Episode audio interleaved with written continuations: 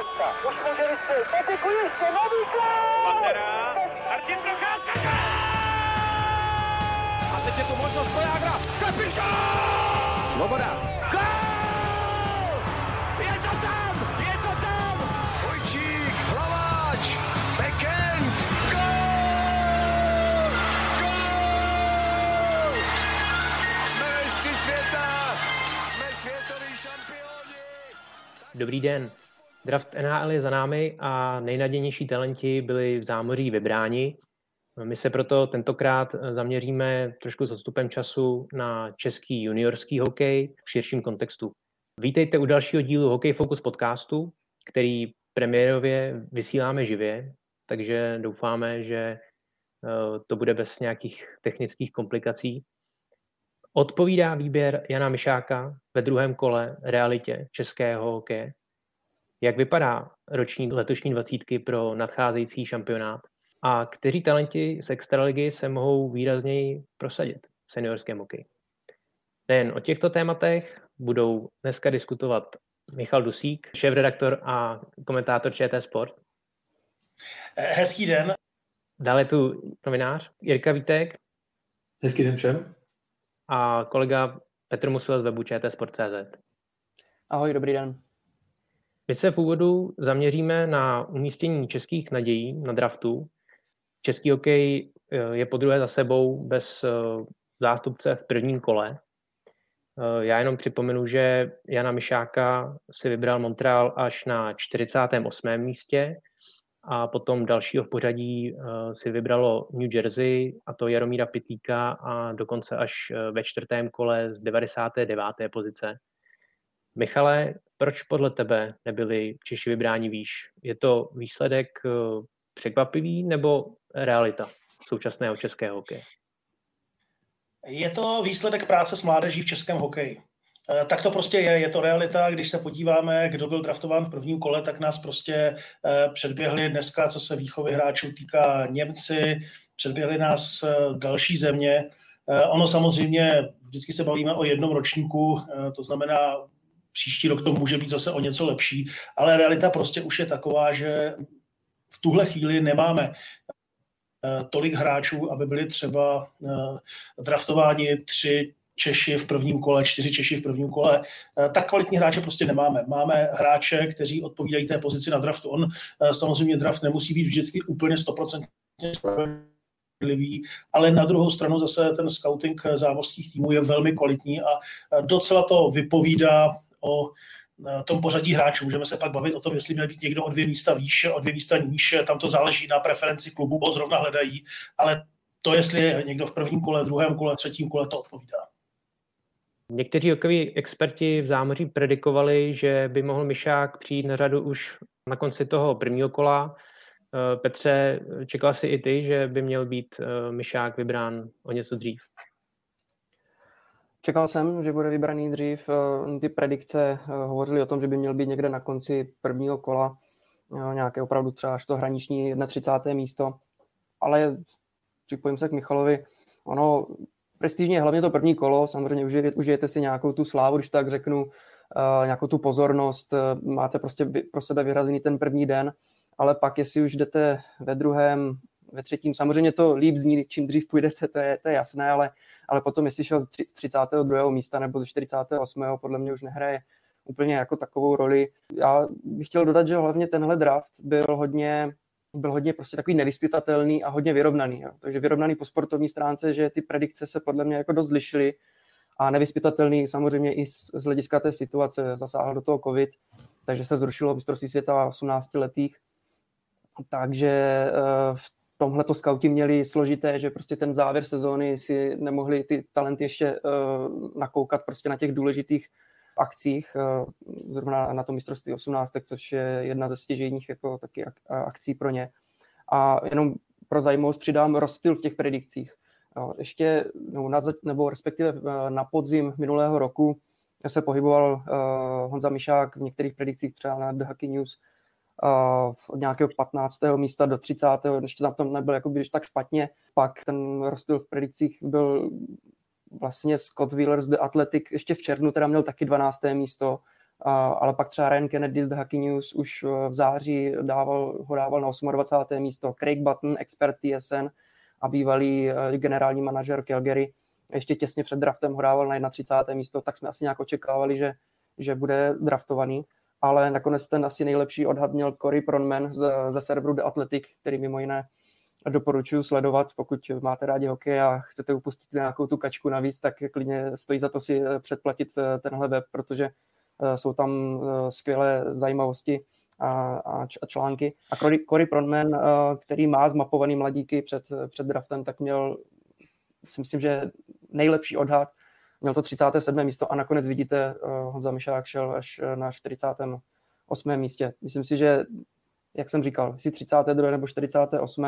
záleží, jestli je spokojený s, s klubem, to, to věřím, že jo, a snad tam mohla jenom být nějaká nervozita, že si třeba říkal, jo, už jsem chtěl, abych byl, abych byl dřív a, a mohla třeba tam působit nějaká nervozita, to snad mohlo být jediný, co mohlo být jako znepokojující, ale uh, to umístění 48. místo a myslím, že to tak v pohodě. Hm, našli byste možná nějaké důvody, proč eh, se vlastně Myšák eh, tak, tak říkej eh, tím pořadím propadal. Přece jenom on se přesunul z Litvínova do Hamiltonu a po těch začátcích vlastně se tam docela chytil, byl produktivní. Co myslíte, že mu mohlo uškodit? Já si nemyslím, že by mu ten přesun do Kanady nějak uškodil. To, to rozhodně ne. No, ta kanadská juniorka je jednak víc, na, jednak víc na očích pro ty zámořské týmy a taky není tolik takticky svázaná. Když on tam měl víc volností, měl tam větší ice time, to bylo vidět i na těch jeho statistikách, byť tady zapadá víc gólů, ale bylo znát, že mu to rozhodně neuškodilo. Ale když jsem si pročítal různá hodnocení i ze zámoří před tím draftem, tak mu je vytýkáno tak nějak trošku to, že nemá nic, v čem by vynikal. On má všechny ty vlastnosti ve hře zhruba na stejné úrovni. Je to dobrý bruslař, dobrá střela, dobře čte hru, umí vymyslet super přihrávku, ale není to třeba eh, dva roky zpátky Filip Zadina šel ze šesté pozice a všichni věděli, že to vynikající střelec. Tohle mně přijde, že Honza Mišák tolik neměl. Je to výborný hokejista, ale možná právě to, že tam neměl nic Eh, žádný, ten atribut, u kterého by si scouti řekli, jo, tohle je ono, kvůli tomu ho vezmeme, tak možná proto se, se tolik propadlo. No. Ale zase, že jo, je mu 18 let a pořád během dvou let, než naskočí do NHL, může poskočit, já nevím, silově, rychlostně a tak dál. Takže v tomhle, v tomhle bych ho rozhodně jako nějak nehanil, rozhodně ho nechci hanit, spíš jenom nějaký potenciál tam určitě má na NHL, jak, jak, jak říkám, jako všechny ty, všechny ty vlastnosti má, má zhruba vyrovnané, takže předpoklady pro to má, aby se prosadil. Eh, já hlavně, jestli k tomuhle můžu, eh, my se tady bavíme o jednom hráči, bavíme se o hráči, který u nás eh, tedy vypadal jako nejlepší ročníkový hráč. Podle mě ten hlavní průšvih je v tom, že je to hráč, který z pohledu celého toho draftu je vlastně jeden, řekněme, z té první osmdesátky hráčů, eh, tam se mohl opravdu dostat eh, o něco výš, mohl se dostat o něco hůř, eh, ale není to rozdílový hráč. A to je ten průšvih. My nejsme schopni v tuhle chvíli vychovávat rozdílové hráče, nejsme schopni vychovávat hráče, o které se budou týmy přetahovat, kteří budou někde v té první pětce, naposledy teda Filip Zadina, ano, ten byl jako číslo 6, ale to je, to je věc, která mě trošku mrzí, protože český hokej by měl být schopen vychovávat právě hráče, o kterých se bude uh, hovořit jako o první trojce, o kterých se bude spekulovat, kdo ho chce víc a ne uh, spekulovat, kdo tedy jako si zrovna vybere uh, toho hráče, jestli si ho vybere na 32. pozici nebo na 44. pozici. Ono to už opravdu zase až tak zásadní není. To zásadní je, že nejsme schopni vychovávat stabilně hráče pro první pětku, pro první desítku draftu. A v tom si myslím, že je průšvih českého hokeje, protože při veškeré úctě k Vyšákovi eh, je to hráč, který ano, on může být jednou eh, špičkový hráč NHL, ten potenciál tam určitě je, ale zároveň to taky může být eh, průměrný hráč NHL, což je pořád skvělé, ale my bychom měli jako český hokej mít tu ambici vychovávat špičkové hráče pro NHL, rozhodující hvězdy. Jirko, jaká je podle tebe budoucnost Myšáka v Montrealu? Je to organizace vhodná pro něj? Nenapadá mě, proč by měla být nevhodná. Ono tak nějak podle mě úplně nezáleží na tom, do jaké organizace se ten hráč dostane. Pokud je fakt kvalitní a pokud na sebe bude pracovat, tak časem se, by se prosadil tak jako tak eh, tam či onam. ale když se podívám tak nějak na tu strukturu, jak, jak to teďka vypadá v Canadiens, tak hodně podle mě bude záležet na tom, jestli s ní budou počítat na křídlo nebo na centra. Protože eh, když se podívám na soupisku Canadiens současnou, tak eh, v prvním týmu jsou dva hráči pod 25 let. A to jsou Jesperi Kotkanimi a Nick Suzuki. Oba dva centři. Oba dva výborní centři, draftovaní v prvním kole. A podle mě Canadiens s nimi počítají na dlouhé roky dopředu a trošku se bojím, že Honza Mišák by na pozici centra měl hodně těžký se prosadit eh, do prvních dvou útoků jako střední útočník.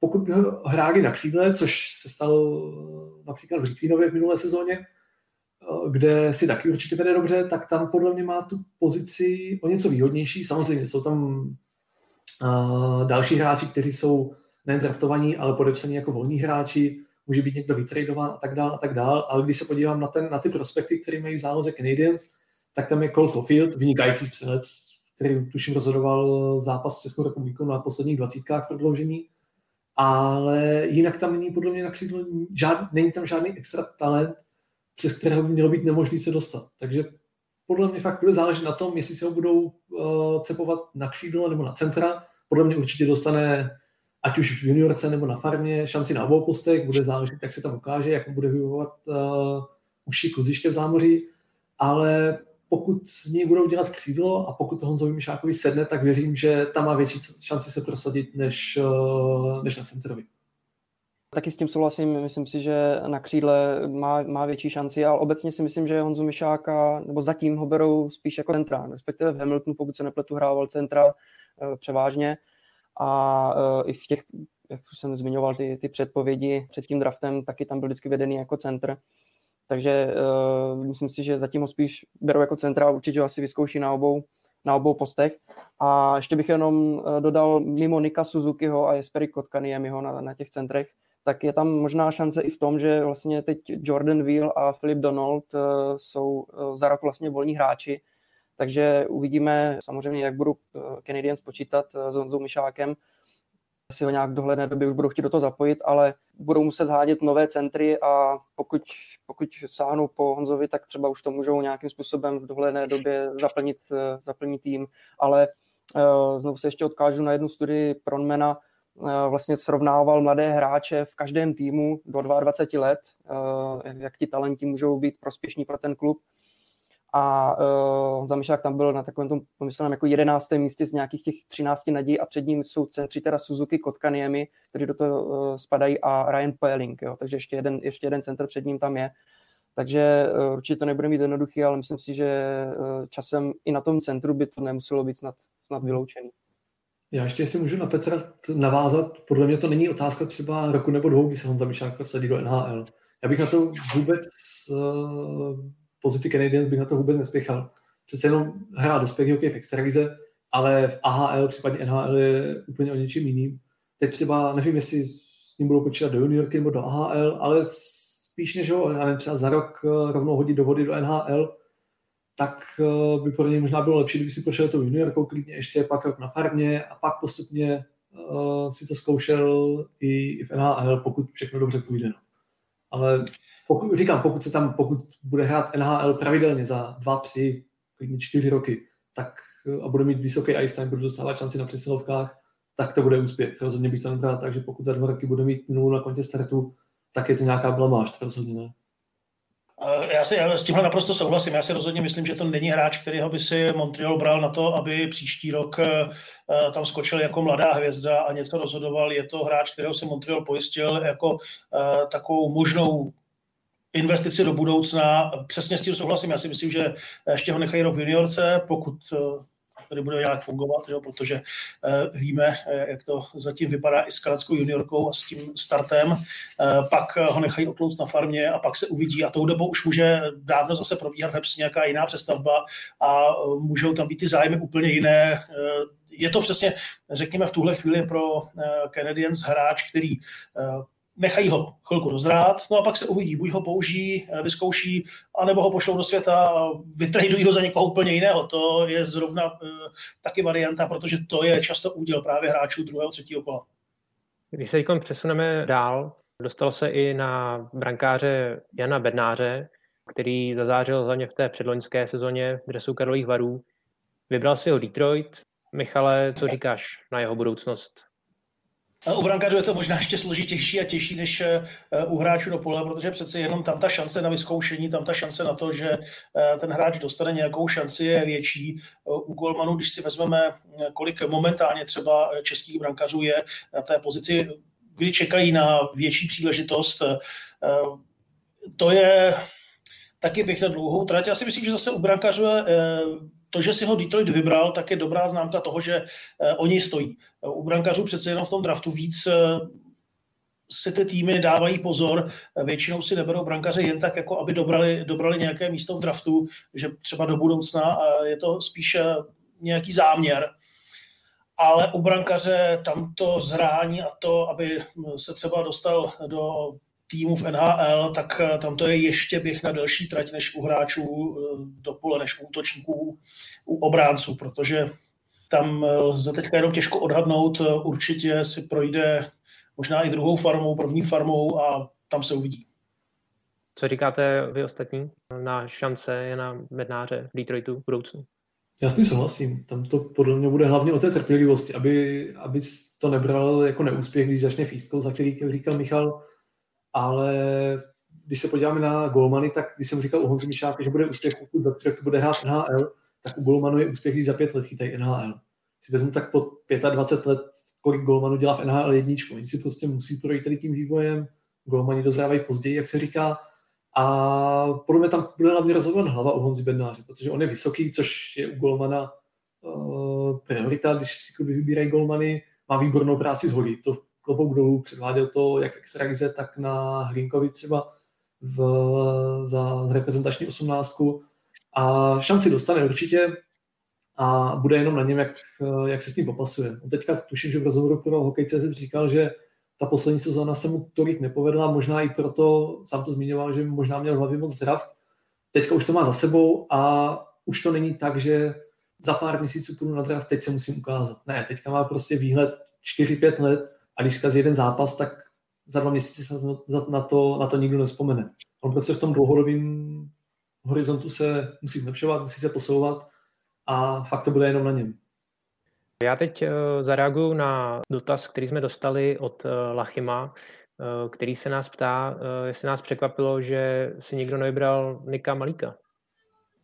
Já za sebe můžu říct, že zase tak zásadně překvapený nejsem. Je to přesně to, když se bavíme o těchto hráčích, ano, mohl to být hráč, který by se někomu hodil, pokud by s tím počítal, tam už pak záleží hodně na tom konkrétním scoutingu. Zase na druhou stranu prostě není to ten hráč, po kterém by kluby šly, po kterém, o který by mělo zájem několik klubů, přetahovali se o něj, čekali, kdo zrovna bude mít v tu chvíli výhodnější pozici to, že ho si ho nevybrali v tuhle chvíli vůbec neznamená, že se třeba do budoucna nemusí do NHL dostat, jenom ta cesta bude uh, trošku jiná.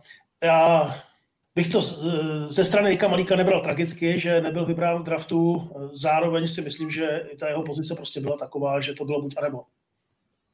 Přesto, když eh, vlastně odhledneme od tohoto, tak eh, Petře je ta česká brankářská škola stále něco, o co se může český hokej opírat v čem mu zlepšuje tu reputaci?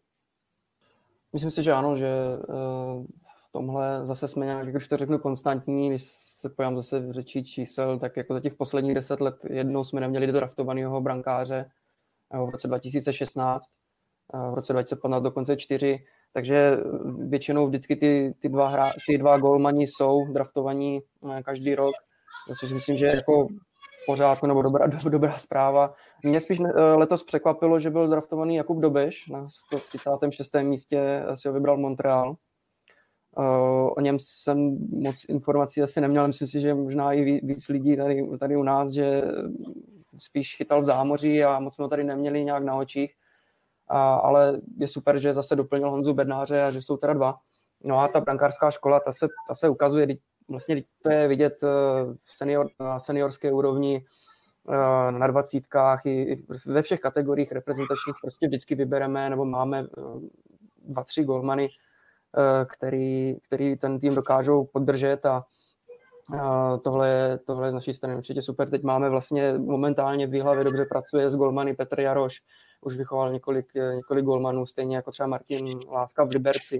Takže v tomhle v tomhle je to v pořádku. Navíc pro rok 2021 Tomáš Suchánek si myslím, že by mohl být taky jedním z adeptů pro draft. Tomáš Suchánek z Třínce, teď se teda rozchytává nějakým způsobem ve frýdku místku, nebo chytá ve frýdku místku. Takže tohle je určitě podle mě plus.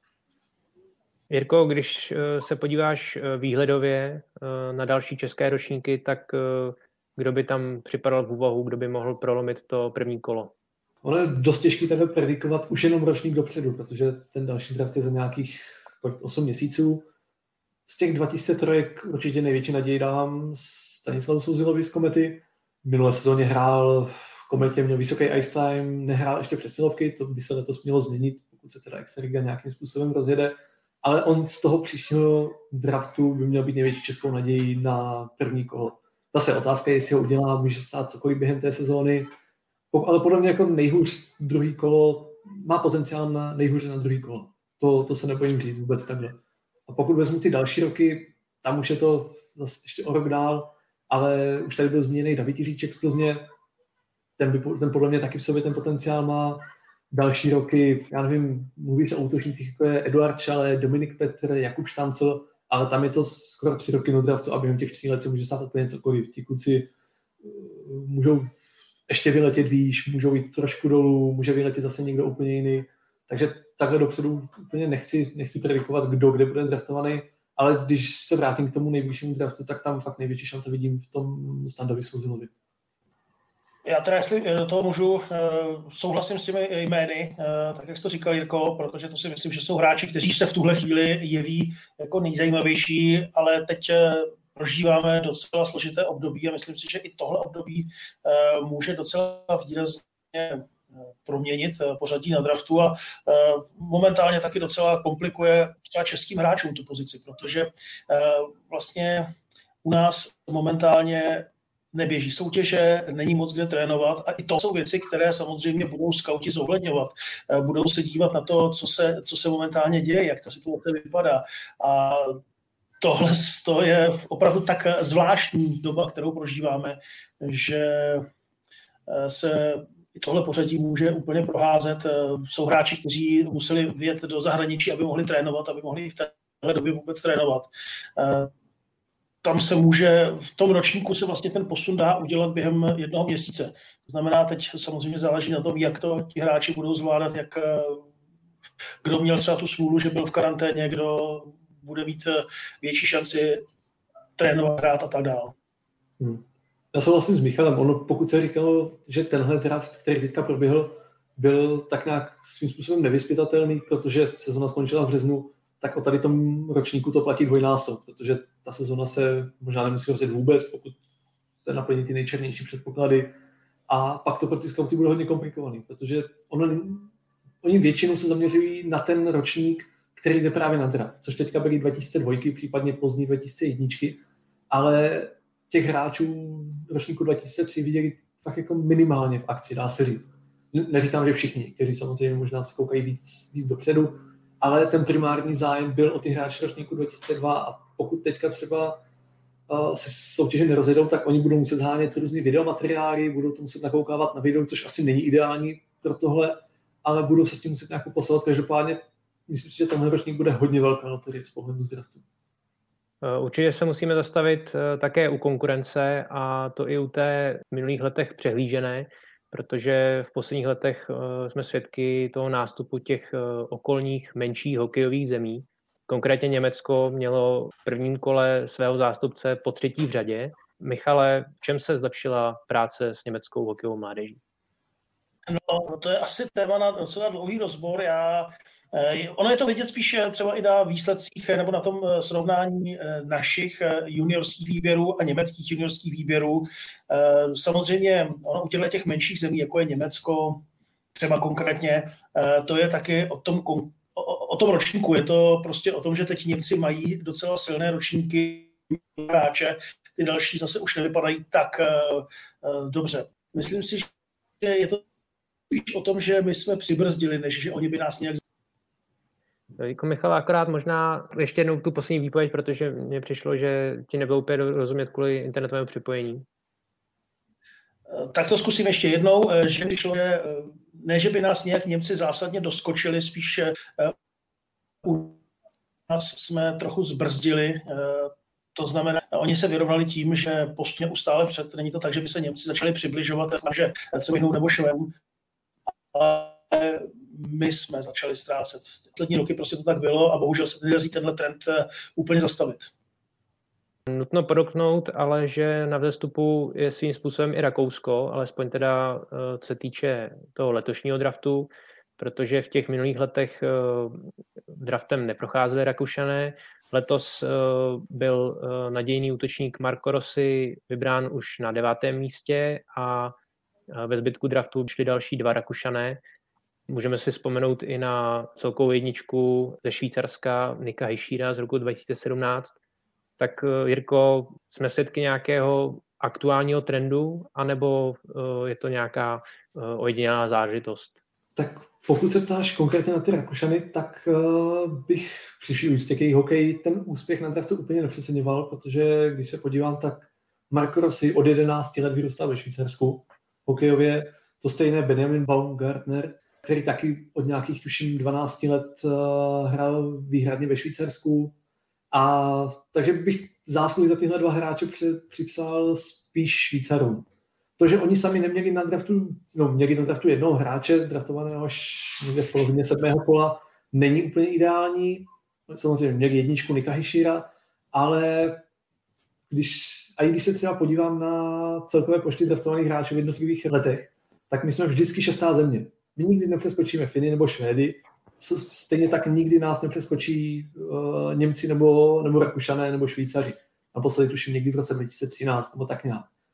My tak nějak neumíme to, co umí Němci, což o čem mluvil Michal. Vyrábět, no ne vyrábět, ale vychovávat ty, ty rozdílové hráče, kteří prostě rozhodnou ten zápas, jako je Dreisaitl, trojka draftu, stejně tak teďka Štycle, Lukas Reichl, i ten John Jason Peterka, který do teďka v posledních letech hrál hrál českou juniorskou extraligu a totálně tam dominoval.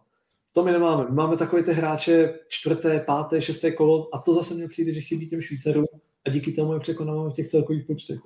Otázka je, co je lepší, jestli mít pár hráčů na, špic, na špici draftu jednoho, dva, a nebo víc hráčů v těch spodních patrech. Otázka je, jestli je to tím, že pořád ten český hokej má třeba větší zvuk než uh, rakouský, nebo německý nebo švýcarský. Jestli je to třeba i tím, že český skautuje o něco víc než z těch uh, německy mluvících zemí, ale nemyslím si, že by nás uh, Rakušané, Švýcaři nebo Němci přeskočili už v hokeji. Dotahují se na nás, nebo možná my se dotahujeme k ním, ale uvidíme, jak to bude v dalších letech. Rakušané měli poprvé draftované hráče po 14 letech, dva z těch tří byli ze Švýcarska, takže až fakt neusuzoval bych to z jednoho ročníku, ale spíš až z nějakého dlouhodobého trendu.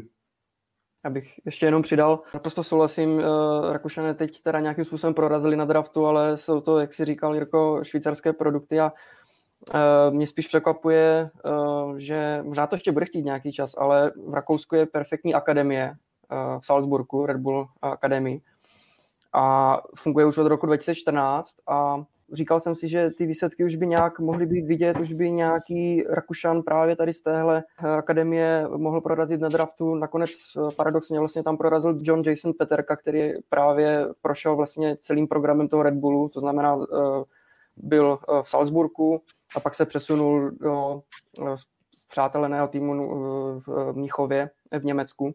Takže si prošel celým tím programem a byl draftovaný jako 36. Buffalem a to je nejlepší uh, jakoby výsledek produktů uh, tady téhle akademie. Jo. To znamená od roku 2014 samozřejmě ty hráči musí nějak dorůst, přechodí tam ve 13, ve 14 letech, ale za tu dobu prostě draftováno sedm hráčů a, a třeba v roce 2018 Justin Sheets byl draftovaný až v šestém kole Floridou, prostě jakoby nejvíc prorazil na tom draftu tady z, z produktu Akademie, ten eh, John Jason Peterka, který, jak si zmiňoval, Jirko, dominoval. Takže očekával bych, že Rakušani, když je to v jejich zemi, jejich jakoby projekt, eh, že z toho vzejde víc eh, zajímavých hráčů. Je to tak namixované, že tam je nej, hlavně se lpí na ten dorost jejich.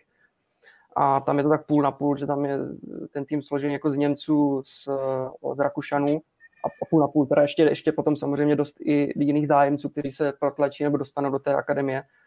Ale uh, jako podmínky takhle v Evropě pro rozvoj mladých hráčů, co se týče prostě toho zázemí, uh, tak v Salzburgu já jsem měl možnost tam být před dvěma roky na exkurzi a to je komplex za 60 milionů eur, kde jsou prostě dva ledy, uh, jo, širší kluziště, širší kluziště, posilovna, fyzio, přísné podmínky, to znamená prostě i na vzdělání se hodně lpí. Už tam vlastně byl i Marcel Barinka, Filip Hadamčík, vnuci uh, Alisa Hadamčíka, nebo Braden Simons Fischer, syn, syn Jiřího Fischera, bývalého reprezentanta.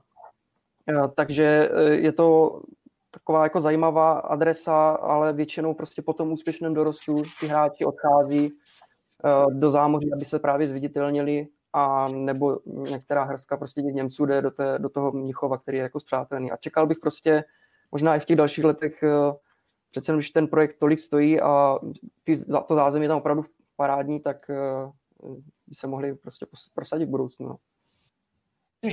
Problém té Salzburské akademie je právě ale v tom, že to je solitární projekt. Teď nám trošku hapruje uh, Michalovo připojení. Tak uh, my se zatím uh, pozvolna přesuneme eh, k druhé části.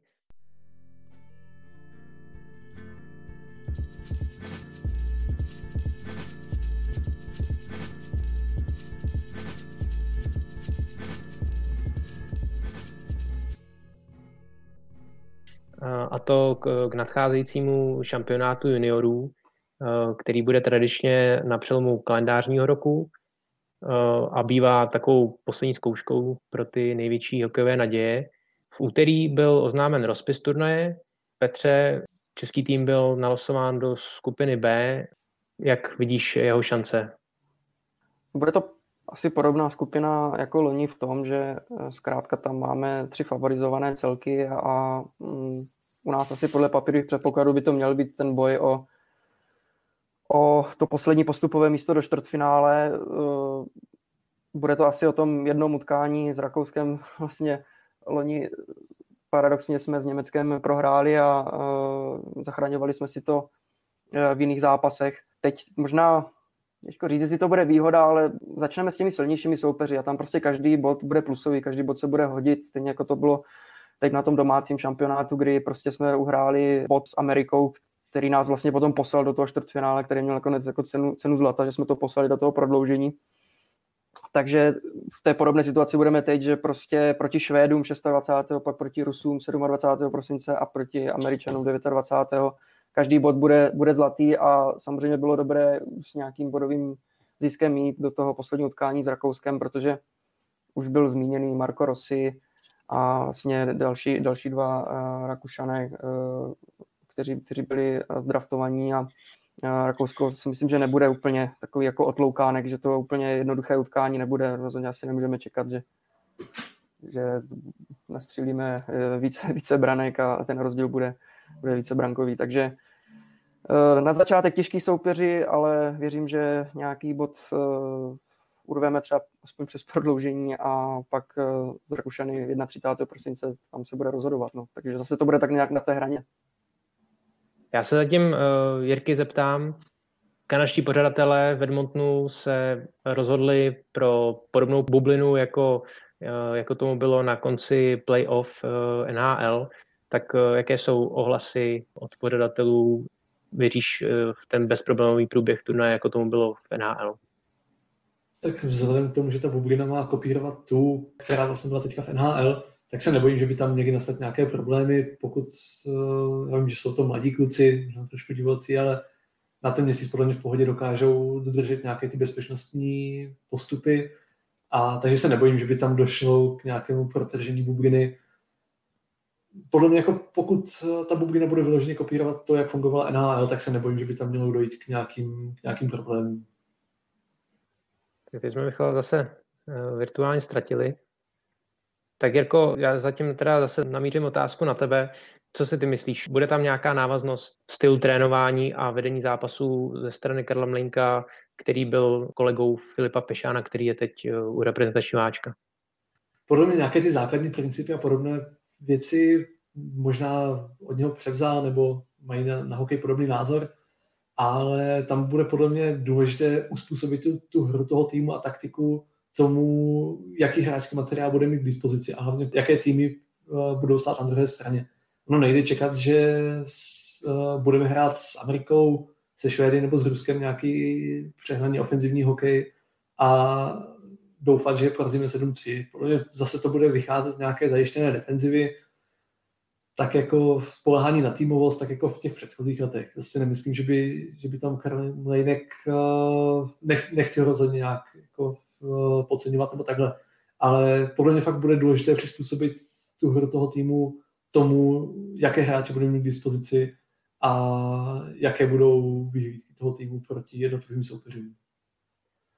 Já si myslím, že asi Karel Mlejnek a Filip Pešán tím, že spolu dlouho spolupracovali v Liberci, tak asi náhled na ten hokej mají jako podobný. To očekávám, že nějaká návaznost nebo minimálně dobrá komunikace mezi sebou tam, tam, tam může být, ale spíš co mě, co mě bude zajímat je no, vlastně styl vyloženě toho coachingu, protože Filip Pešán mně přijde vždycky takový jako živelnější, takový na té střídačce Zkrátka bude, bude zajímavé, jak Karel Mlejnek se popasuje s tou uh, rolí hlavního uh, trenéra u reprezentačního uh, týmu, jestli bude podobně aktivní, aktivní uh, třeba jak Filip Pešán. Jako na, na, tohle, na tohle se těším, protože uh, samozřejmě trénoval Sokolov, i v, i v tomhle, jak se, jak se bude chovat na té střídačce, jestli to bude třeba i typ trošku uh, Václava Varadi, který minulý, uh, minulý domácí šampionát se prostě kolikrát i, i zastal toho týmu, vzal si coach challenge, když třeba prostě tušil, že to nemusí být, ale prostě chtěl dát tomu týmu nějaký impuls, chtěl mu dát uh, vědět, že, že uh, za ním stojí, za tím týmem. Takže zvědavý jsem tady z tohohle pohledu na Karla Majinka. Když budeme teď konkrétnější, tak kde by ten český výběr mohla tlačit bota a kde naopak vidíš, Petře, jeho sílu? Myslím si, že samozřejmě klasicky v brance, zase jak jsme se o tom bavili, tam by to uh, mohlo být, když to řeknu v pořádku, Lukáš Pařík. Velká výhoda u těch brankářů si myslím, že uh, že vlastně jak Lukáš Pařík, tak uh, Nick Malík si v, uh, v minulé sezóně nebo na minulém mistrovství na tom domácím v Ostravě už prostě ten šampionát vyzkoušeli. Samozřejmě bylo to trošku nešťastné, protože Lukáš dostal, měl žaludeční problémy, střední nebo žaludeční problémy, zkrátka byl na, na, na kapačkách, co jsem slyšel jednu dobu. Takže tihle dva golmani museli už do toho prostě vrhnout, uh, uh, už si to oskoušeli, uh, oskoušeli si prostě, jak je to být uh, pod tlakem v tom zápase, kdy pro vás, do vás budou prostě bušit američani. A myslím si, že Lukáš Pařík to nějakým způsobem zvládl, pak teda přišlo i jeho zranění a dokonce se do branky dostal Eh, i Nick Malík. Eh, pro mě jednička bude asi Lukáš Pařík, eh, i kvůli zranění Arnolda Campbella ve Spokane City.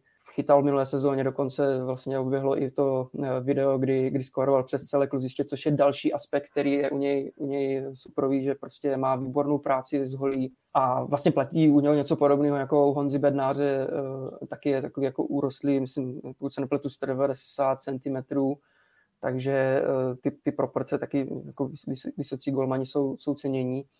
A já ho vidím teda, jelikož je i, uh, jo, určitě nejstarší tady z těch, kteří připraví v úvahu, tak ho vidím asi nejspíš jako jedničku a myslím si, že by tu úlohu mohl zvládnout, tam, takže tam nás bota netlačí. A myslím si, že ač se možná v poslední době trochu spílalo, že vlastně nemáme třeba tak kvalitní obranu, tak si říkám, jestli, jestli letos by to nemuselo být tak špatné, protože už tady byly zmíněna, zmíněná jména jako Stanislav Svozil a, a Jiříček, kteří jsou samozřejmě ještě mladí, je na ně, je na ně brzo, ale uh, to, co platí u těch golmanů, v té obraně taky. Prostě uh, Hugo Haš, uh, Kubíček, Klikorka, už si to uh, mistrovství juniorský vyzkoušeli uh, doma v Ostravě i když to teda uh, v některých případech třeba zrovna u Karla Klikorky bylo tam dost vyloučení, bylo vidět, že to je spíš takový obránce opravdu toho defenzivního uh, charakteru, takže tohle určitě zlepšit, ale třeba se těším na Šimona Kubíčka, který vlastně byl i podobě produktivní, byl na přesilovce, měl, měl výbornou střelbu a myslím si, že by to měl být jeden z těch hlavních obránců. Takže v obraně uvidíme, uvidíme. Nechci jako tady predikovat, uvidíme, až prostě ty, ty hráči budou pod tlakem těch silnějších výběrů, ale myslím si, že by to nemuselo být tak hrozné, z čeho, od čeho se obávám trošku zase, že nebudeme mít možná střelce, no, protože Honza Mišák bude ústřední postavou, Myslím si, že určitě nějaké branky přidá. Možná i Pavel Novák je takový jako gólový, ale trošku mi tam chybí někdo typu Honzi Jeníka, který, který byl v té, v té Ostravě do, taky do té doby, než se zradil, kdy uh, prostě byl schopný na té přesilovce vystřelit z kruhu, uh, vzít tu zodpovědnost na sebe a um, takový vyloženě ten sniper. Uh, uvidíme, jestli, jestli, jestli nebude chybět. No. Jirko, doplníš Petra nějak? No, já se upřímně nejvíc bojím toho, že ti kluci teď budou mít uh, tři měsíce pauzu a pak najednou přijedou do Edmontonu a budou mít před sebou největší turnaj svých mládežnických uh, let. České soutěže stojí, to stejné kanadské juniorky, takže ti kluci, kteří by místo těch zámořských juniorek hráli v Česku, tak nemůžou hrát tam ani tam. Možná něk- někoho trenéři vytáhnou ze Švédska nebo z Finska, pokud ty soutěže, pokud ty soutěže pojedou dál, ale toho, toho se nejvíc bojím. To, jestli bude obrana o něco lepší nebo horší, to, to stejné, to už je fakt otázka možná i toho, jak, eh, jakou budou mít formu ti hráči, eh, jak, jakou, jaké budou mít úlohy a tak dál, ale největší strach mám fakt z toho, že tam přijede prostě 25 kluků, kteří budou, když to přeženou po třech měsících poprvé na ledě. No. Zaplať pán letos se alespoň nesestupuje z té elitní skupiny. Takže pokud, pokud by to dopadlo neúspěchem, tak alespoň je tam tahle pojistka, že v té elitní skupině zůstaneme i příští rok. A kdybyste měli ty výběry uh, srovnat, uh, nebo respektive ten letošní s tím loňským, je tam podobná kvalita, nebo právě se spíš přikláníte k tomu, že uh, tam nějaké větší osobnosti, větší individuality chybí? No, jsem to trošku, trošku jsem to zhrnul. Myslím si, že kvalita asi taková podobná, jak říkám, chybí mi možná mm, větší střelec v, v tom útoku, nebo to se prostě projeví, nebo uvidí, jestli, jestli, jestli tam bude nebo ne. Ale jinak si myslím, že zase, jak, jsem říkal v brance, je to, je to, je to... Lukáš dostal samozřejmě eh, to, jak září teď ve Finsku, tak to je, to je velká persona, ale tam si myslím, že by problémy být neměl. Tak já, když to prostě vezmu kolem a kolem, tak je to vlastně takový podobný, protože, jak říkám, ta obrana bude zase o rok zkušenější, starší a s tím, že už si to prostě nějakým způsobem vyzkoušela a hlavně, hlavně jenom doufám, že samozřejmě uvidíme, jaký bude zdravotní stav, rozehranost, eh, jak, na co vlastně jako nakonec, nakonec sadí Karel Mlejnek, ale já bych se opravdu nebal eh, vzít z vozila a vzít klidně Jiříčka, pokud na to opravdu bude mít, protože to bylo přesně ten minulý rok, že jsme si vlastně v lednu potom na podcastu říkali, proč nejel Standa svozil, jakože by byl možná lepší než někteří uh, jiní beci, kteří tam byli, takže nestavit to, nestavit to jenom jako na těch vyloženě defenzivních becích, kteří si prostě půjdou na ten let uh, splnit to své, ale uh, doufám, že prostě uvidíme tady i ty, i ty uh, velké talenty, nebo větší talenty našeho hokeje. Co nabídne konkurence? Protože za tou přece jenom v posledních letech dost zaostáváme.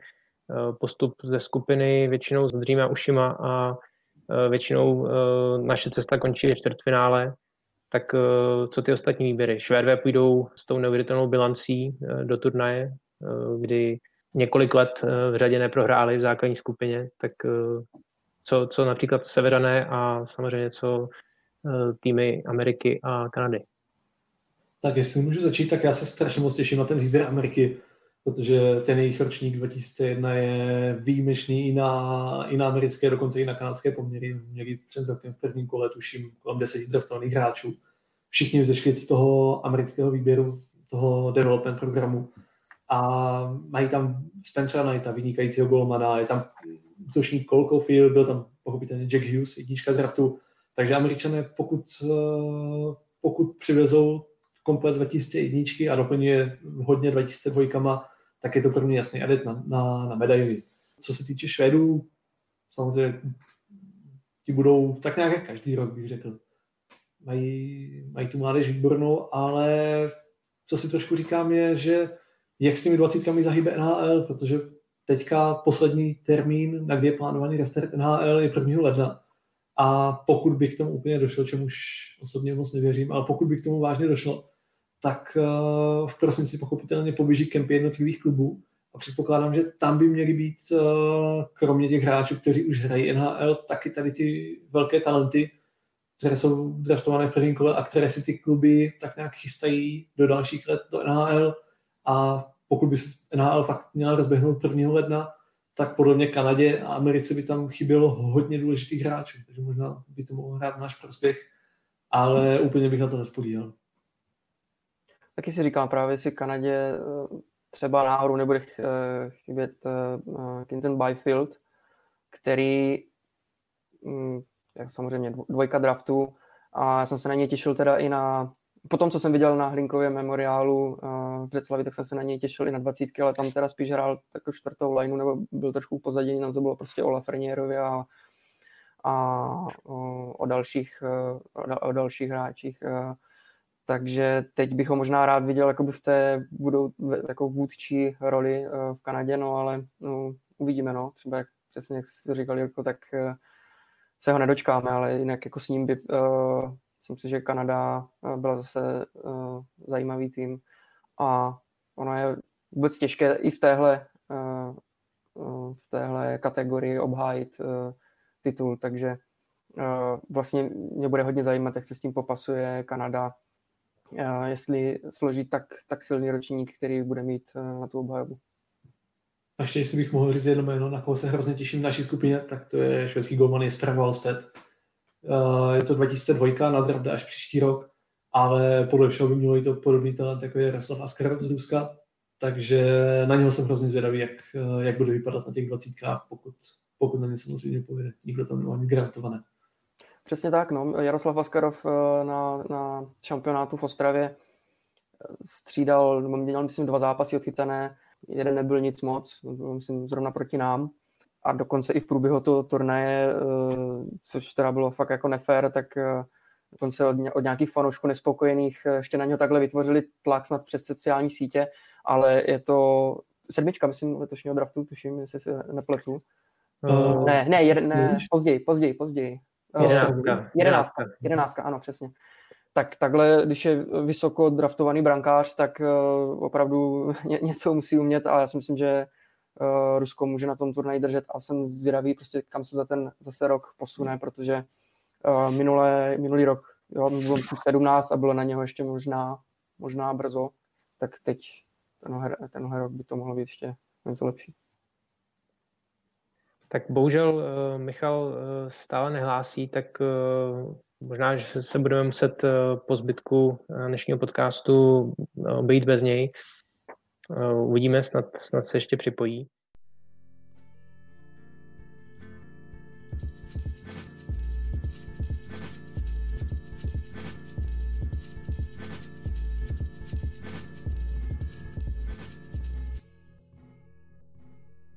Každopádně my se eh, posuneme do závěrečné části, kdy se podíváme na situaci mladíků eh, v naší nejvyšší soutěži. Z letošní eh, extraligy se v té zvláštní sezóně nesestupuje a tak se nabízí to hodně skloňované téma o vytěžování mladíků v nejvyšší soutěži.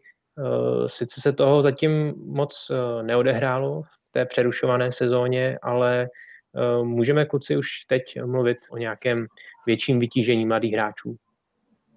Zatím mi to nějak zvlášť nepřijde, nebo takhle. Jsou tam týmy, eh, které eh, příkladně eh, zapojí mladíky, jednoznačně Plzeň, myslím si, že i celkem Olomouc, i v důsledku toho, že odešli nějací klíčoví hráči, tak tam třeba Adam Rutar a Tobias Žandl se zapojuje, Tobias Žandl dokonce hraje první lineu.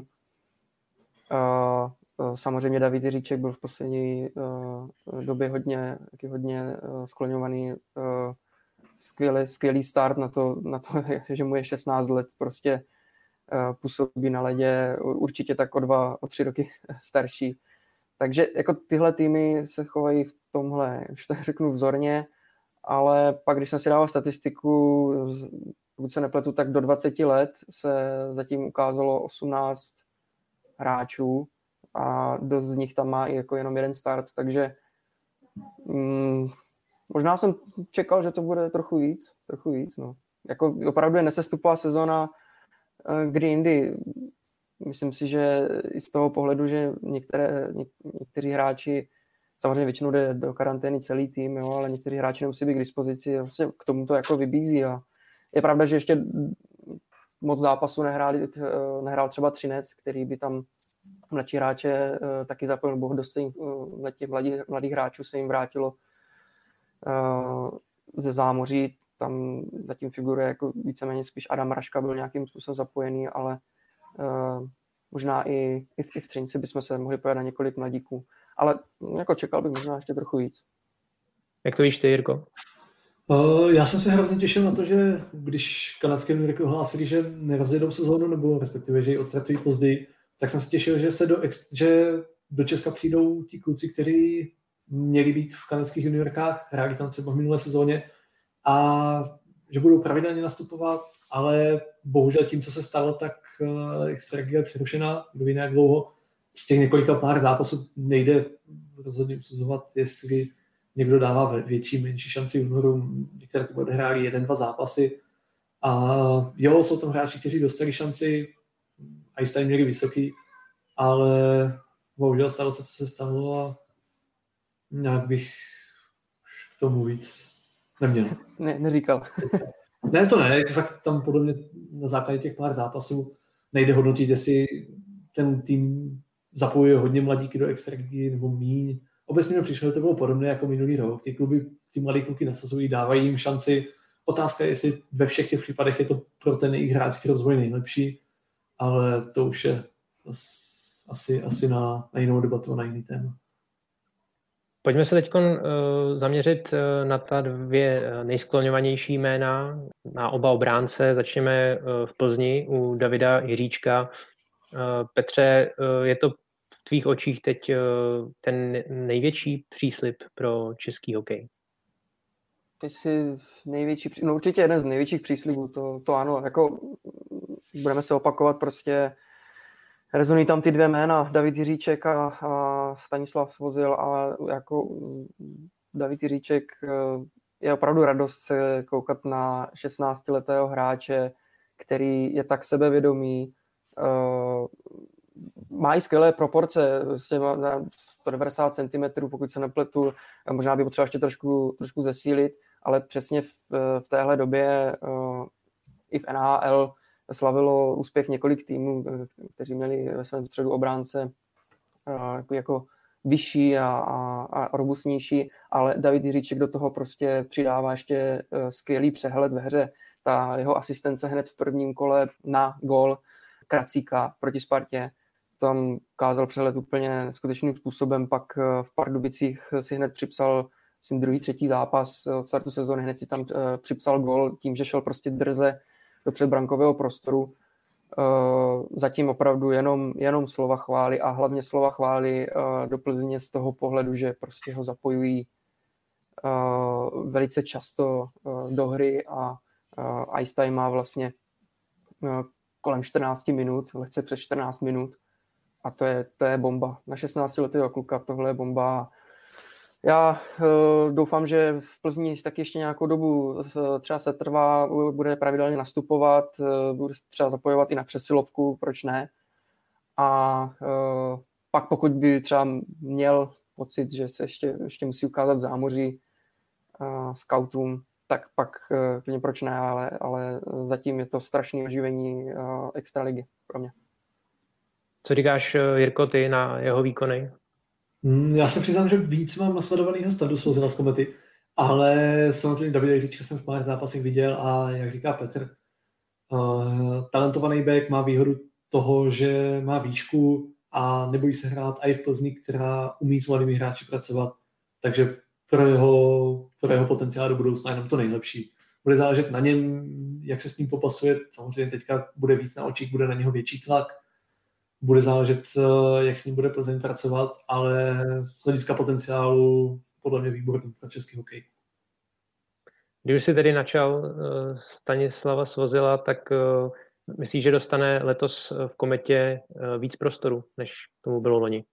No, doufám v to, protože v minulé sezóně vlastně většinu sezóny strávil vedle Michala Gulašiho, což je zkušený back, tak nějak to za něho pohlídal dozadu a Standa Svozil díky tomu měl velký prostor pro nějaké ofenzivní výpady a bylo vidět, že si fakt nebojí hrát, že to není o tom, že by mu na ještě řekli, dostaneš puk, posun ho hnedka dopředu, on se nebá vyvést ten puk, zavést ho do pásma, to se mě nevím, strašně moc líbilo, ale abych nemluvil jenom o těch ofenzivních věcech, mně se strašně líbil i dozadu. On není žádný hromotluk, nemá, nevím, 90, 90 kg, ta jeho postava odpovídá tomu jeho věku, ale třeba souboje o Mantinelu o puk, on je neprohrál ve většině případů. On je, neříkám, že všechny vyhrál, některý zremizoval, ale málo kdy se stalo, že on by tam třeba propadl a soupeř šel na jednou dva na jednoho.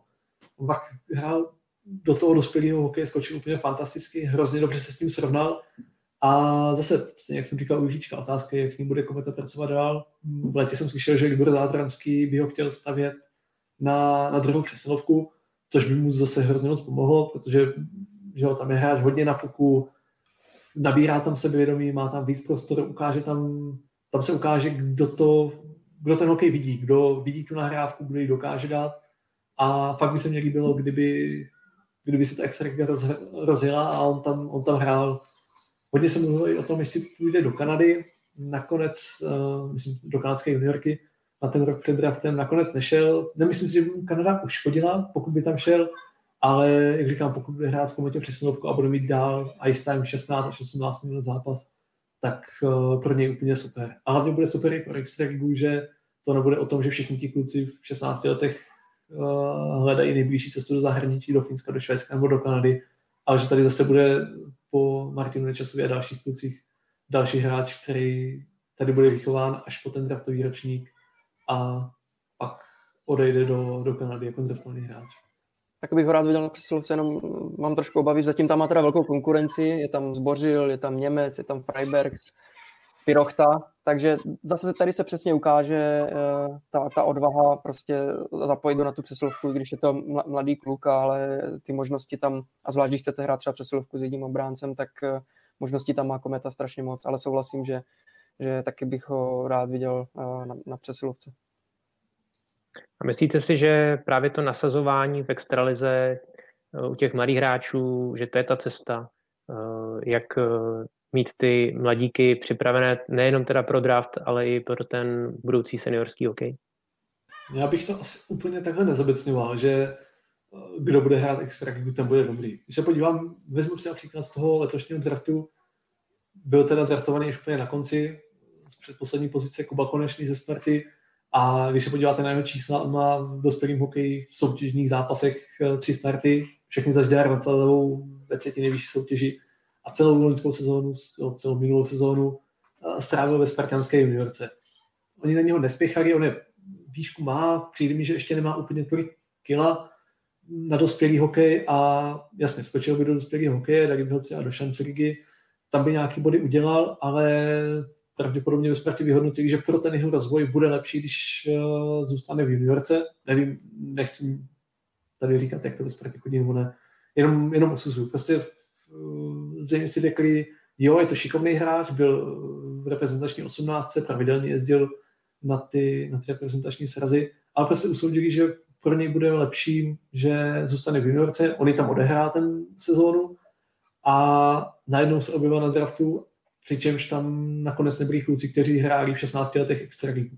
Pro mě to bylo překvapení, že byl draftovaný, ale zase na druhou stranu bruslení má, je šikovný a pokud uh, doroste postavou, bude se zase posouvat, tak, uh, tak věřím, že ten potenciál něm je. A rozhodně to neznamená to, že když ještě nehrá extraligu nebo šance ligu, že je nějaký špatný. Podle mě by se to fakt mělo posuzovat v případu, případu Nemělo by to být tak, že ti kluci budou, nedej bože, lepit místo v sestavě, nebo tam budou jako 13 útočníci nebo 7 beci, budou hrát 4 minuty za zápas, vždycky si udělají čárku, že tam naskočí na pár střídání a, a pak se tady bude říkat, jak, eh, že, že je super, že týmy pracují výborně s mladými hráči, že je zapojují. To bych fakt roz, tak nezobecňoval bych to, že čím víc hráčů klub nasadí v extralize, tím je to lepší. Eh, když se podíváme ale do eh, Finska nebo do Švédska, tak tam si můžeme všimnout, že tamní kluby více nasazují, více využívají mladých hráčů, dávají jim dostatek prostoru už od uh, útlého mládí v tom Ačku konkrétním. Tak čím to podle tebe, Jirko, je? Mm, když to řeknu hrozně jednoduše, tak tím, že jsou prostě lepší v tady tom věku. V tom věku těch 16, 17, 18 let, když pomalu z té juniorky, z toho juniorského věku se přesouvají do dospělých, tak uh, zkrátka se na ně líp adaptují. Je otázka, jestli je to třeba tím stylem těch soutěží, protože česká extraliga mi oproti třeba Finsku a Švédsku přijde takticky svázaná, byť samozřejmě finská liga taky není úplně nějak, eh, že by se tam lítalo nahoru dolů bez hlavě, ale prostě ti kluci jsou, jsou lepší. A pak je otázka, čím to je. Jestli je to, nevím, když jsem se o tom bavil, tuším dva roky zpátky s jedním reprezentačním trenérem mládeže, tak mi dal takovou úvahu, že je to možná tím, že na ty kluky se strašně brzo tlačí, aby dosáhli toho, že prostě hrozně moc trénují a v 15 jsou na tom výborně, ale oni už v 15 dosáhnou toho svého vrcholu. A zatímco Švédové si tak nějak, když to řeknu jednoduše, pořád hrají a, a pak v těch 16, 17, 18, když do toho šlápnou, tak tam mají ještě nějaký ten potenciál na rozdíl od našich hráčů. Je otázka, čím to je. Když se podívám na Švédy, tak spousta těch kluků hraje až fakt do těch 15 let, těch, do, do těch 15 let věku v nějakých provinčních týmech, ne těch velkých, které hrajou nejvyšší soutěž, ale týmech, které nemají ten dospělý tým v nejvyšších dvou soutěžích a až pak přejdou do tady těch, já nevím, Malmé, Luleo, Fernunda, Djegorden a tak dál. Je otázka, čím to je. No. Možná, možná je to těmi tabulkami, že jo, pochopitelně v Česku, když, eh, když je nějaký fakt talentovaný hráč v páté třídě, tak eh, ten extraligový klub za něho dá 20 tisíc a je pro něj výhodnější stáhnout si ho tehdy už, než potom třeba o čtyři roky později, kdyby za něho dal pětinásobek. Ale teď je otázka, jestli, jestli pak má nějaký smysl, když si v páté, v šesté třídě stáhnou největší talenty z okolí a pak v žákovských ligách vyhrávají 20 k 3, což, eh, což není úplně výjimka. No. Nevím, nevím, čím to je ta otázka, asi patří na někoho jiného. Petře, máš ještě něco na doplnění? Samozřejmě eh, souhlasím s Jirkou a jenom se mi líbí, že eh, nejenom, že dávají přednost eh, svým hráčům, Finům a Švédům, mladým, ale prostě zase zmíním jeden příklad a to Lukáše Dostála. Mně se prostě líbí, že přišel mladý, talentovaný golman, ale prostě jo, z jiné země a ve 20 letech je vyhlášen nejlepším golmanem finské ligy nebojí se ho tam uh, spát. Samozřejmě taky se střídá ještě se svým konkurentem, ale má jasnou pozici. Teď momentálně tu sezónu začal úplně skvěle, má přes 95 nebo kolem 95% uh, úspěšnost zákroku. Uh, je vidět, že ho to taky strašně posouvá ve, ve Finsku. A myslím si, že podobnou cestu, podobnou cestu už dřív zvolil třeba Dominik Hrachovina, a prosadil se vlastně i, i Koblížek eh, eh, v dresu Kerpetu. A myslím si, že několik dalších kluků eh, to takhle vidí tady tu cestu a v juniorkách třeba ve Finsku máme dva brankáře, pět beků a čtyři útočníky a ve Švédsku máme čtyři hráče, takže třeba i ten způsob té výchovy a toho zapojování do seniorského hokeje tak třeba bude ku prospěchu někomu z dalších našich mladíků kteří tam působí. Já ještě, jestli můžu se vrátit eh, zase zpátky do Česka, tak když se mluvil o tom přechodu těch 16 až 20 let, o tom přechodu z juniorek do, nebo z dorostů do, do chlapů, tak tam určitě hraje roli ta kvalita té soutěže. Když si vezmu českou nejvyšší soutěž juniorů, je to tuším juniorská liga akademii, tak uh, těch týmů je tam prostě hrozně moc na to, kolik je v Česku hráčů tam by měla být nějaká ta pyramida, jak se říká, mělo by se to od té základny postupně zužovat, zužovat a tu nejvyšší soutěž juniorů by měli hrát fakt ty nejlepší hráči. A tady je prostě 20 týmů nejvyšší juniorské soutěži, v každém týmu jsou, je pár hráčů, kteří už jsou posunutí do chlapů, ať už já nevím, kdo to měl říct, nebo jinde v šance nebo do extraligy. A jasně, oni, na to, oni se v té extralize nestratí. Oni budou hrát druhou, třetí lineu v pohodě, nějakých těch 10 minut za zápas si odehrají ale tím pak zase trpí ta, ta juniorská, ta nejvyšší juniorská soutěž. A podle mě fakt jako pro některé hráče by bylo lepší, když by hráli kvalitní juniorskou soutěž, než eh, aby hráli dospělý hokej v šance lize. Ale to už jsou takové tabulky a šířka, šířka mládežnických soutěží asi to, co tady omílá pořád. A zatím, zatím se nic moc extra nemění. Tak já na závěr ještě využiju poměrně odvážný dotaz od Vojtěcha Krízy, který nás zdraví a ptá se, jestli je právě mezi mladíky od 16 výš nějaký hráč, který by mohl reálně pomýšlet na první dvě útočné řady NHL. Vy už jste ho trošku naťukli ta nadějná jména, tak vidíte tam někoho, kdo by v budoucnu se mohl prosadit až takhle nahoru? nedokážu odhadnout, protože až tak, až tak výrazného, jako bavili jsme se, jo, třeba právě zase o obecích Jiříček svozil, jim teď vypadají skvěle, ale to prostě ještě neznamená, že, že jim všechno klapne a, a, a do těch top dvou line finál zatím bych asi ani je to těžký, je to strašně těžký odhadovat a ani nevím, jestli, jestli na, na to mají. No. Já si myslím, jako, že oba dva jim věřím, že v budoucnu, pokud budou takhle pokračovat, tím, jak jsme se bavili o tom jejich skvělém přehledu a sebevědomí už prostě na, na ten jejich věk, tak já věřím, že NHL udělají. Třeba to, to třeba můžu říct, nebo že budou na té hraně, ale top dvě liny, to, to bych si neodvážil takhle si říct. Ale uh, pak, uh, jestli u 16 a dál, uh, tak zase jsme se bavili o Lukáši Dostálovi já mu strašně věřím. Já mu věřím, myslím, že i v té organizaci Eneheimu podle mě takového golmana oni nemůžou opomenout takže eh, ten se třeba nějakým způsobem může, eh, může prosadit v budoucnu. S tím musím souhlasit, pro mě fakt Lukáš dostal největší česká naděje pro NHL do let budoucích.